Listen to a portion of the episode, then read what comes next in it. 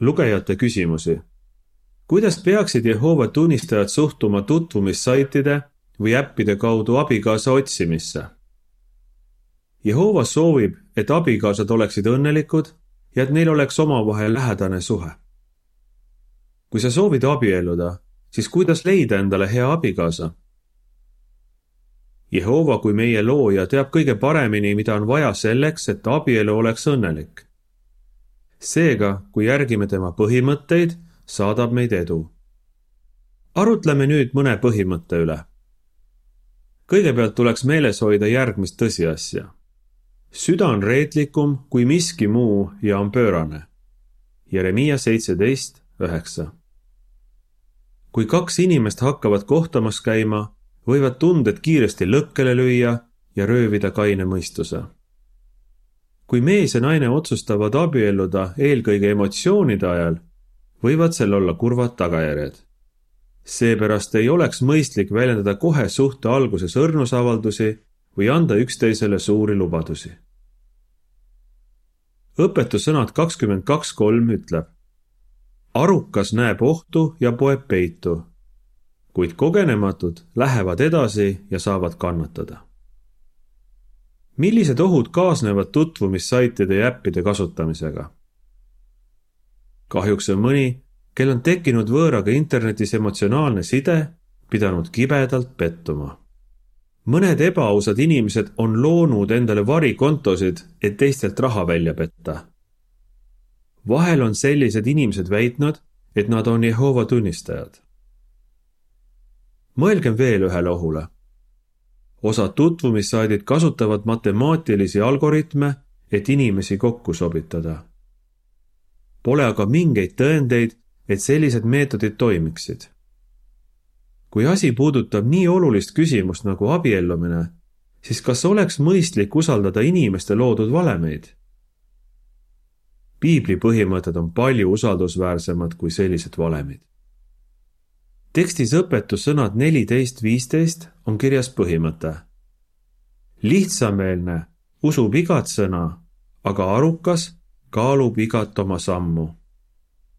enne kui sa hakkad mõtlema kellestki kui oma tulevasest abikaasast, tuleb sul teda hästi tundma õppida. interneti teel on seda aga raske teha. isegi kui sa näed teise kohta mõningast infot ja vahetad temaga palju sõnumeid siis kas sa võid öelda, et sa tõesti tunned seda inimest? mõni, kes arvas, et on internetist leidnud oma elu armastuse, oli šokeeritud, kui temaga lõpuks silmast silma kohtus. laulukirjutaja ütles. ma ei seltsi petistega, väldin neid, kes oma tõelist palet varjavad. laul kakskümmend kuus, neli. paljud arvavad, et on täiesti normaalne enda kohta valeinfot anda, et ennast paremast küljest näidata. Nad võivad püüda varjata oma tegelikku olemust. Nad võivad küll öelda, et nad on Jehova tunnistajad, aga kas nad on ikka ristitud kristlased? kas nad on vaimselt küpsed?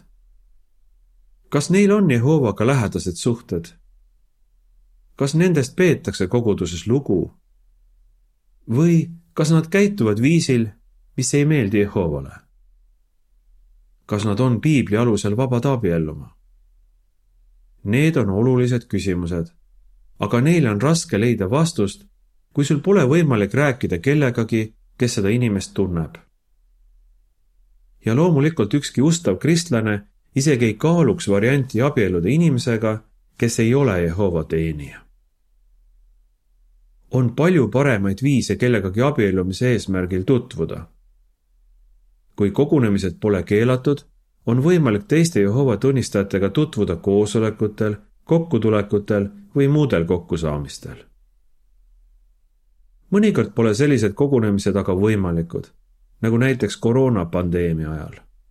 sel juhul toimuvad meie koosolekud interneti teel ja ka seal on võimalik saada tuttavaks teiste vallaliste kristlastega sa võid näha, kuidas keegi koosolekul osaleb ja oma usku väljendab. samuti on ehk pärast koosolekut võimalik suhelda väiksemates rühmades. sellistes suhtlusringides võid näha, kuidas inimene, kelle vastu sa huvi tunned, teistega vestleb ja õppida teda paremini tundma. aja jooksul mõistad, kas teie eesmärgid ja väärtushinnangud on sarnased ja kas te sobite kokku. Kui valalised kristlased järgivad abikaasat otsides piibli põhimõtteid, võivad nad kogeda, kui paikapidavad on sõnad tekstis õpetussõnad kaheksateist kakskümmend kaks. seal öeldakse, kes leiab tubli naise või mehe, leiab midagi hinnalist ja saab Jehova soosingu osaliseks. artikli lõpp